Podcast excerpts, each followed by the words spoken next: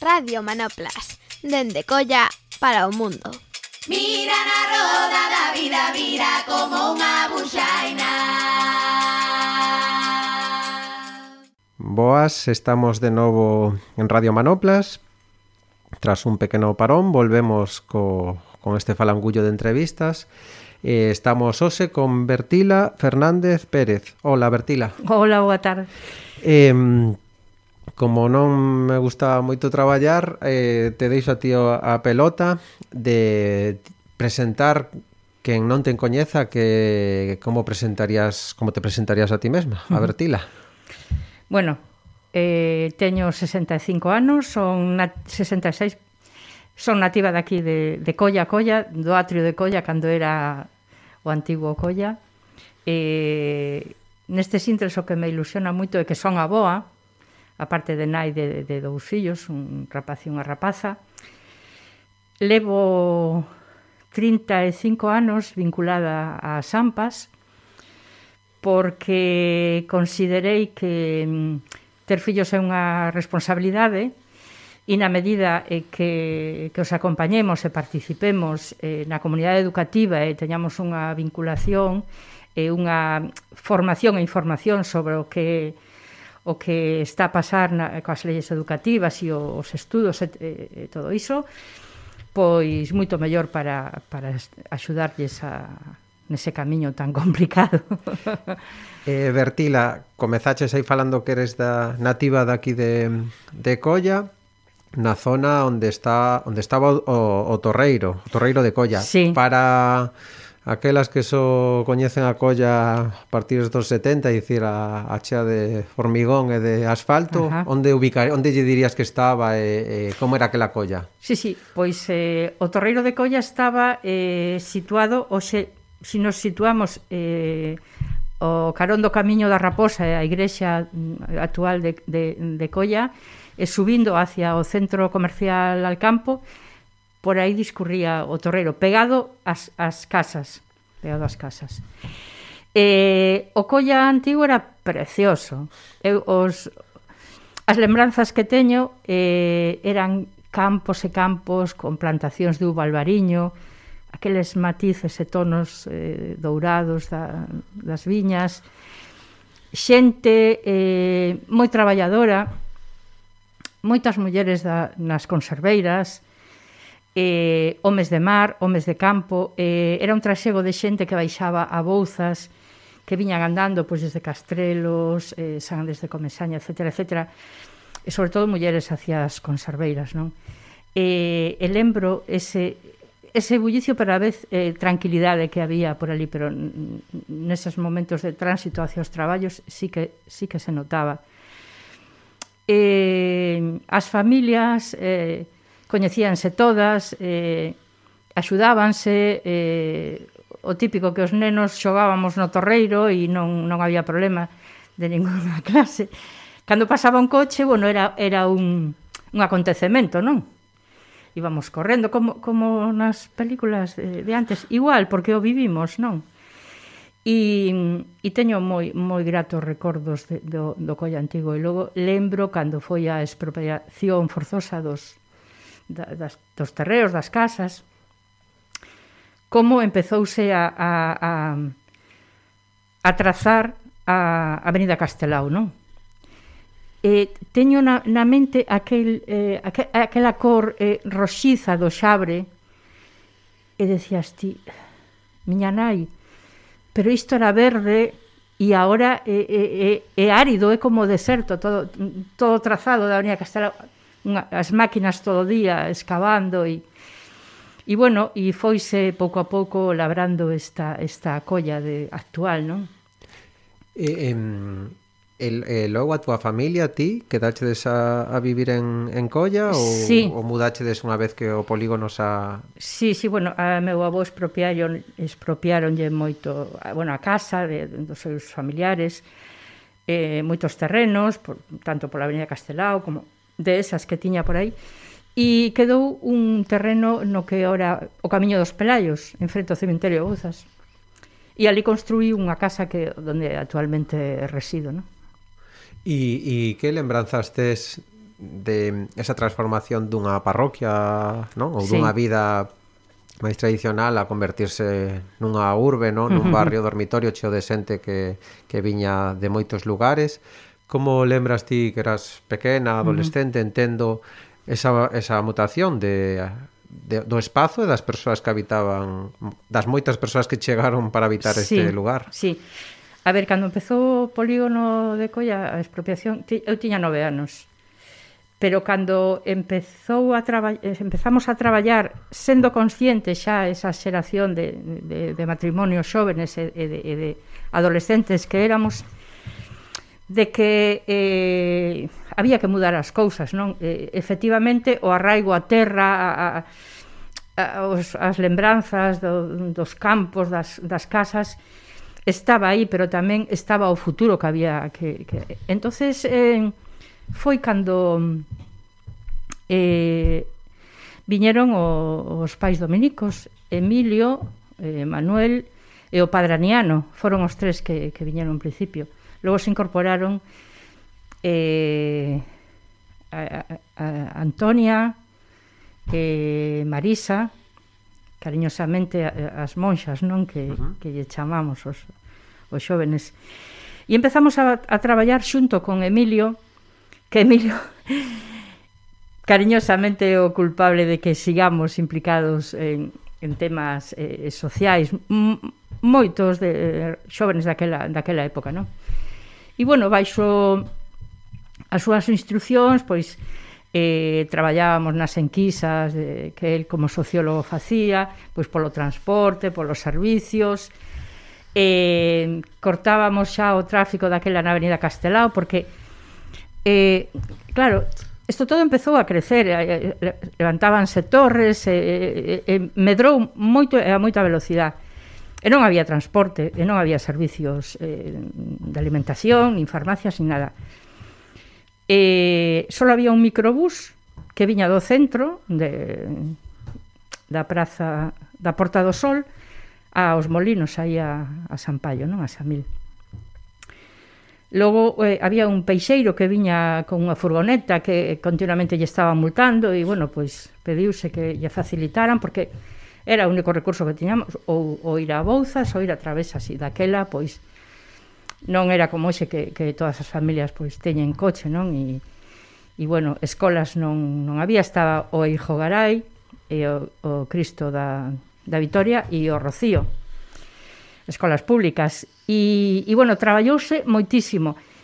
E quero destacar eh, que nesa época traballábamos eh, xente xoven, matrimonios xóvenes, xente un pouco xa máis, máis veterana, pero eran equipazos humanos de xente comprometida, de xente comprometida e consensuando todo. E, e sempre tiñamos eh, a, a Emilio, a Manolo, a Niano, a Juan tamén, que nos que nos apoyaban, que nos apoyaban e aprendimos moitos co, con eles. Mm, mm, colla lle debe moitísimo a, a estas persoas, a estos pais dominicos. Y, mm, moitísimo. Eh, comentabas antes de, da grabación que tamén nese movimento ao redor da parroquia tamén naceu un clube de montaña, non? Que se chamaba Serra do Serra do Suido, sí. Eh, como como aparece a montaña aquí no medio de Colla o interese por por sí. a nature, pola natureza, non? Sí, eh... sí. Bueno, eh, entre o grupo de xóvenes que estábamos aquí, que éramos catequistas, cobrábamos a folla parroquial, a repartíamos, cantábamos no coro, aprendimos a tocar a guitarra, bueno, facíamos moitas cousas na, na, na comunidade, non? E, eh, empezamos co, co movimento junior eh, que, eh, en campamentos, acampadas, pero logo descubrimos o que era escalada e alta montana, en, en montañeiros celtas e que había a posibilidade de, de formar un club aquí, eh, de, bueno, máis ben unha sección de montaña. E o fixemos, o fixemos. E, e bueno, participamos nunha expedición ao Alto Atlas, estamos falando do ano 77, e non había muller, moitas mulleres que, que fixeran escalada e, e montañismo, non? Éramos, que fixéramos un pouco escalada xa un pouco máis seria, éramos dúas en, en Galicia de aquí de Vigo. Y, y bueno, empezamos a, a organizar campamentos en, en Redondo, alá en Barcía de Mera, pois ali facíamos campamentos eh, de verano para os nenos e nenas da, da, da parroquia e, e foi unha experiencia moi moi agradable. Logo tiñamos un, un club de mon, eh, un club juvenil, Ledicia, que estaba no baixo eh, do edificio que está en frente á parroquia xusto que está aí a, a, frente do instituto, no? do, frente do instituto, do pois ese edificio que fai aí a esquina no baixo eh, tiñamos o, o club juvenil fixéramos un pequeno bar pois tiñamos as reunións de, do, do grupo de, de xuventude facíamos guateques os domingos eh, era unha convivencia moi moi moi, moi entrañable.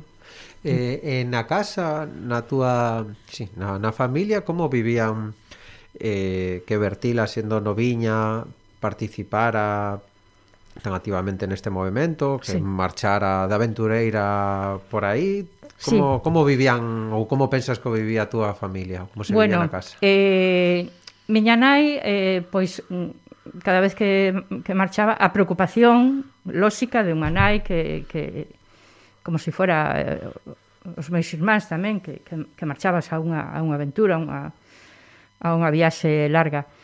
Meu pai era un home de mar e estaba acostumbrado a andar polo mundo, entonces como que o asumía e o entendía e nos apoiaba moito, non? De feito, el me decía, ti tes eh, madeira para ser eh, capitana da Mariña Mercante. decía, tes, tes madeira, pero por aí non foron, non foron os meus pasos. E, e de feito foi miña naia que un día chegou a casa e, e comentoume eh, eh, hai uns, uns eh, pais dominicos que, que viñeron para a parroquia e, e bueno, preguntaron si tiñamos eh, fillos e fillas eh, adolescentes e tal para e empecé porque por miña nai por miña nai, si sí. mm, alén do, do tema do montañismo esa participación tiña unha componente clara sociopolítica, non? Por, por dicilo de algún xeito, que supoño que sería como a, a canteira ou a experiencia non de, de vivencias que, mm. que na actualidade e nos últimos anos te, te serviron. Sí. Eh, e aí contábamos tamén antes que había moita xente que, que neses momentos agora ou nestes uh -huh. últimos anos participaron en, en moitos, non? En moitos sí. movimentos da, da cidade. Da cidade, sí. Eh, entendo por como te ves a cara, que a xente que nos escoita non te ve, que, que foron anos que tes boa lembranza, que tes aprendizaxes, experiencias Eh, así, ollando para atrás, que, que o que máis destacas? De... Comentaches algunha cousa, non? O tema de traballar con equipos humanos diversos, eh, o tema da, non? De, de autoorganización por mellorar as condicións de vida do barrio. Non sei se algunha máis que destaques. Sí, bueno, eh, iso, indudable que eran, er, eran as equipas de traballo eh, con moita diversidade, que enriquecían, que enriquecían o, o, o traballo e E era curioso porque creían na xuventude, nos apoiaban e nos, nos deixábamos apoiar e tiñamos mm, moito debate, moito diálogo, sí que aprendimos a, a, a traballar cara ao consenso. E, e logo eh, esa forza tan grande que, que, que tiñamos para, para seguir eh, traballando, eh, para ver eh, as realidades da vida, porque as realidades da vida se viven cando convives cas persoas, pero cando convives eh, en profundidade. Iso non significa que teñas que inmiscuirte na súa vida privada ou saber toda a súa vida, pero sí, cando hai un, un problema, unha necesidade, pois ter a capacidade de elegantemente pois botar unha man, non, porque non se trata tampouco de humillar as persoas, pero desenvolvimos esa capacidade, non? E é algo que nos acompaña. Eu non sería a Bertila que sou hoxe en día se non houvese vivido aquilo. O teño moi claro. Eh, non tiñamos eh, como te diría, medo Tamén no, no, no instituto, eh, na época estaba facendo o COU, foi cando morreu Franco. Este é o instituto o que hoxe en día Alexandre Bóveda, o Colladós, era un, un instituto eh, moi reivindicativo, había moito bullicio, facíanse as asambleas eh, nos baixos do instituto, e nós que veñamos de, de, de un colexio eh, religioso, eh, decíamos, pero desta vida non nos falou ninguén. Non sabíamos que existía isto, de que, de que existía, bueno, a, a vida como era, os movimentos reivindicativos, revolucionarios, mellores ou peores, pero esa parte da, da sociedade non a coñecíamos. E tamén tivemos a capacidade de ir entendendo, asumindo e elexindo nos mesmos, nos mesmas o que queríamos facer e como o queríamos facer e con quen o queríamos facer, que é moi importante, ter as ideas claras. Non se trata de andar eh, de borreguiños pola vida, se trata de andar en grupo, en grupo, eh, pero con, con, con esa con esa convivencia que define ao grupo, non? E ti elixes e e tiras para diante. E iso o aprendimos, o aprendimos naquela naquela época. Eh, escoito agora e eh, que me resoan as verbas que unha persoa que lle preguntei por ti me dixo que destacaba o teu espírito comunitario, non? Que creo que o estás a explicar, sí, sí, sí. o estás a explicar agora mesmo. Uh -huh. Avanzo un pouco máis e eh, agora para, para xente que escoite pode ser que que, que lle soes máis por, por unha tarefa que nos últimos 30 anos te uh -huh. ocupou moito tempo e tamén no que tiveches visibilidade, non? Que uh -huh. é o traballo que faz junto a moitas familias en Foampas. Uh -huh. mm, en moi poucas palabras, sí. Foampas, que que o que ten que saber a xente de de Foampas, de Foampas para que bueno. sí, sí. se son a palabra que Moi que brevemente. Foampas é a Federación de AMPAS, das asociacións de nais e pais dos centros públicos da cidade de Vigo, eh, ampliado a comarca, pero bueno, cen, nos centramos en, eh, en Vigo. Eh, precisamente este ano cumplimos 30 anos de, de Andaina e eu entrei eh, nunha AMPA eh, sin saber moito o que era cando o meu fillo tiña tres anos e foi no, no barco de Valdeorras non? que residía por circunstancias da vida ali e eu sabía que, eh, que miña nai fora secretaria da AMPA cando eu era adolescente no, no colexo onde estaba e pero moi non moito máis. E, e bueno, eh, eh, entrei naquela AMPA no Barco de Valdoras e logo mm, vin para Vigo no 2002, creo que foi no 2000. Non, antes, antes foi. E entrei no Celso, bueno, meus fillos os matriculei no Celso Emilio Ferreiro. E non había AMPA naquel momento, nombrouse un AMPA, eu estaba de secretaria, e así como eh, a aprendizaxe na miña época de adolescente quedou marcada para sempre na miña vida, esa época no Celso Emilio Ferreiro tamén foi unha aprendizaxe bestial, bestial. No AMPA, non? Sí, no AMPA.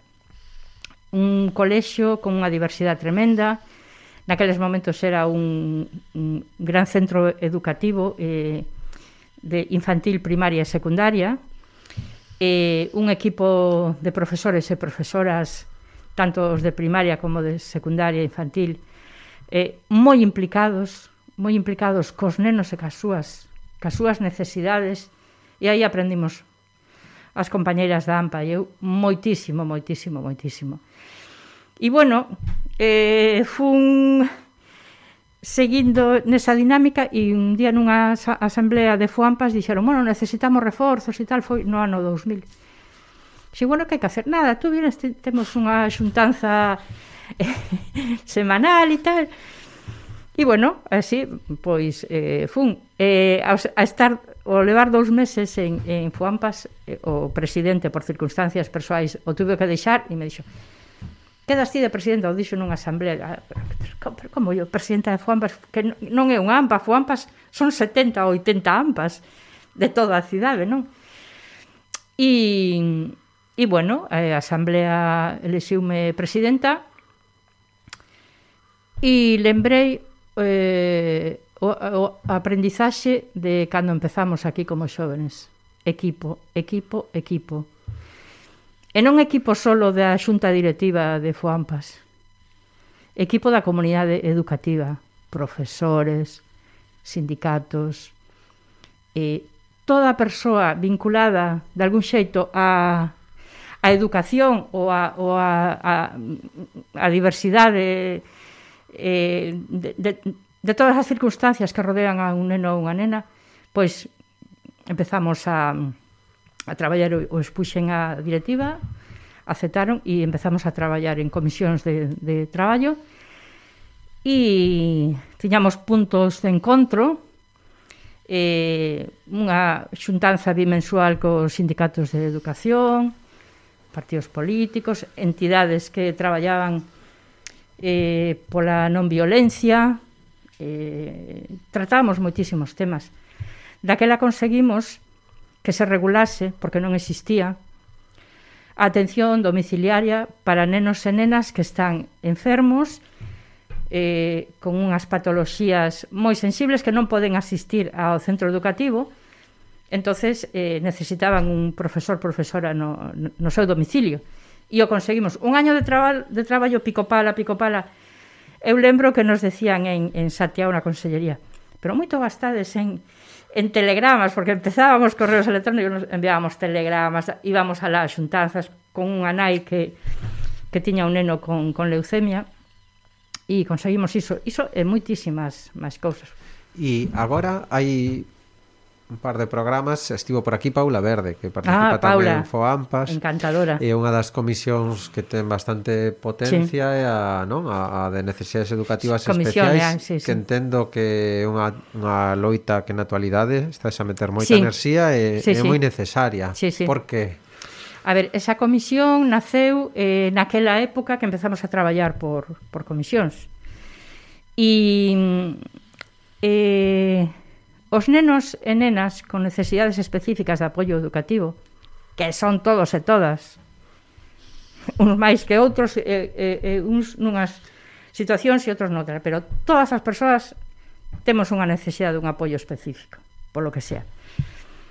Pois, eh, e xa fai vinte tantos anos que, que se formou esta comisión, como outras, e parece que estamos no punto de partida, porque costa muitísimo que a, a, a inclusión sexa unha realidade nos centros educativos. E non teñamos que estar falando de inclusión, porque xa a educación en sí é para todos e para todas, con todos e con todas.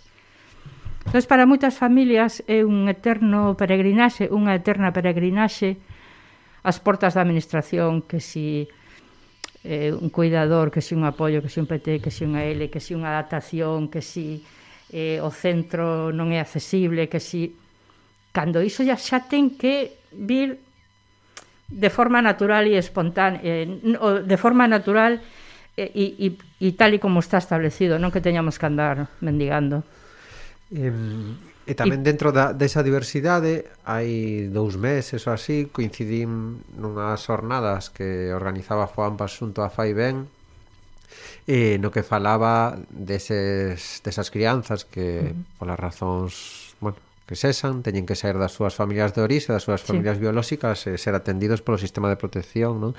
Eh, estes días vai haber tamén unha, unha, unha xornada sobre saúde mental non? Da, sí. da rapazada Eh, te escoitei algunha vez que estás preocupada tamén polos signos, polas expresións de sufrimento que están a sí. padecer moitas das, das crianzas, e o estás atendendo tamén sí, sí, dende sí, Foampas. Sí, sí.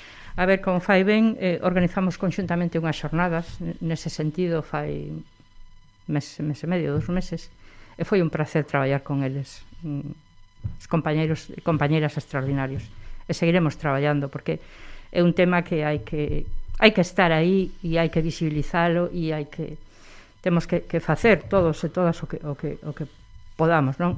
Co, ca administración ombro con ombro, pero mm, como ciudadanos e ciudadanas e familias tamén.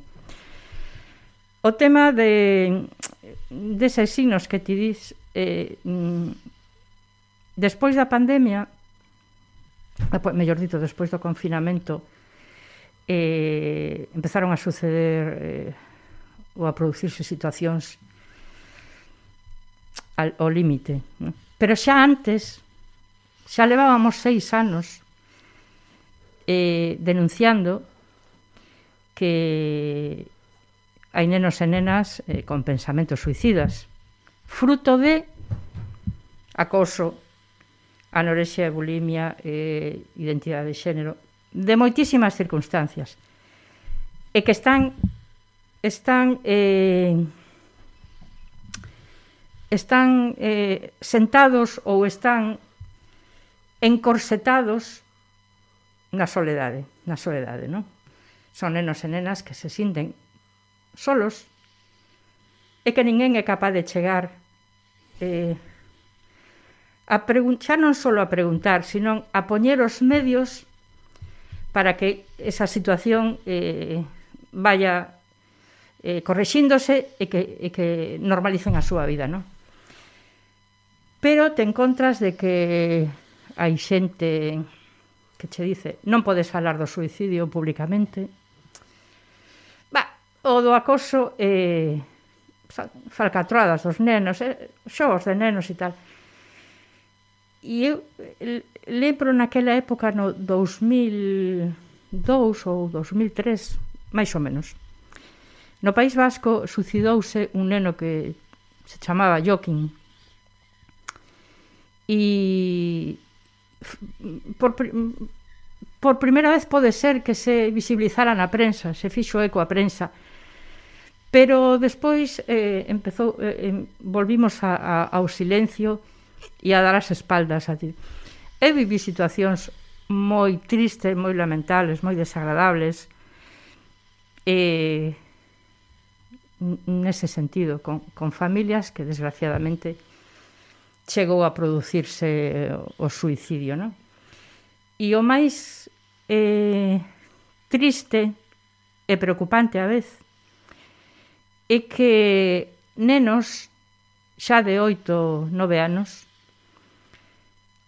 eh, visibilizaban un papel ou trasladaban as súas familias que, que, que non querían seguir vivindo A, a esas edades tan, tan tiernas, non? Un decía, mamá, eh, no te preocupes, mamá, que es que deixo de, uh -huh. de emocionarme todavía. Mamá, no te preocupes, xa sei o que teño que facer para que non chores. E claro, eh, as familias cansadas de chamar a portas, de petar a, a, as portas que todos coñecemos, eh, acalada por resposta. Sí, ya lo estamos facendo un seguimento, tal, pero non hai nada, non sei que, non sei que. E bueno, entonces acompañábamos a esas familias a cara a administración, aos centros educativos e empezamos a, a, a traballar nese sentido, asistindo a xornadas de formación, eh, e, tamén facéndonos moita xornada. E en esa línea seguimos. Eh, indudablemente o tema da COVID veu a, a a, a paralizar moitas moitas iniciativas e moitos proxectos, pero bueno, que estamos aí, seguimos seguimos traballando. Bertila, dicen que íamos estar 25 minutos e levamos a 28, poderíamos ou polo menos podería estar escoitándote moito rato bueno, máis. Cando queiras. Dicía que sego sen innovar neste falangullo Radio Manoplas, eh, quería rematar cunha canción que coa que ti queiras deixar a xente que nos escoita mm. eh, a de despedida. Con que sí, canción remataremos? A que, a que comentábamos antes de Ren, porque é unha canción que significa moito na miña vida eh, nela eh, pois bien reflexada eh, moitas situacións das que vivín con, con amigos, con, con xente a chegada con, con nenos e nenas, con familias do, da escola e, e bueno, é unha canción que... Título? Pois é en, en, en inglés, é fala do suicidio. Bueno, eu agora tampouco me lembro, eh, quedamos escoitando. Moitísimas sí. grazas, eh, Bertila, por, por estes minutos de compartir a túa vida e eh e as túas experiencias e eh, nada, moitísimas gracias. Gracias a vos, eh, parabéns por, por, esta, por esta iniciativa que tendes que moi boa. Vale, pois nada, quedamos escoitando a REM e seguímonos escoitando en iVox, en Spotify, en Podgalego e, eh, e eh, na rede, basicamente. Ata logo.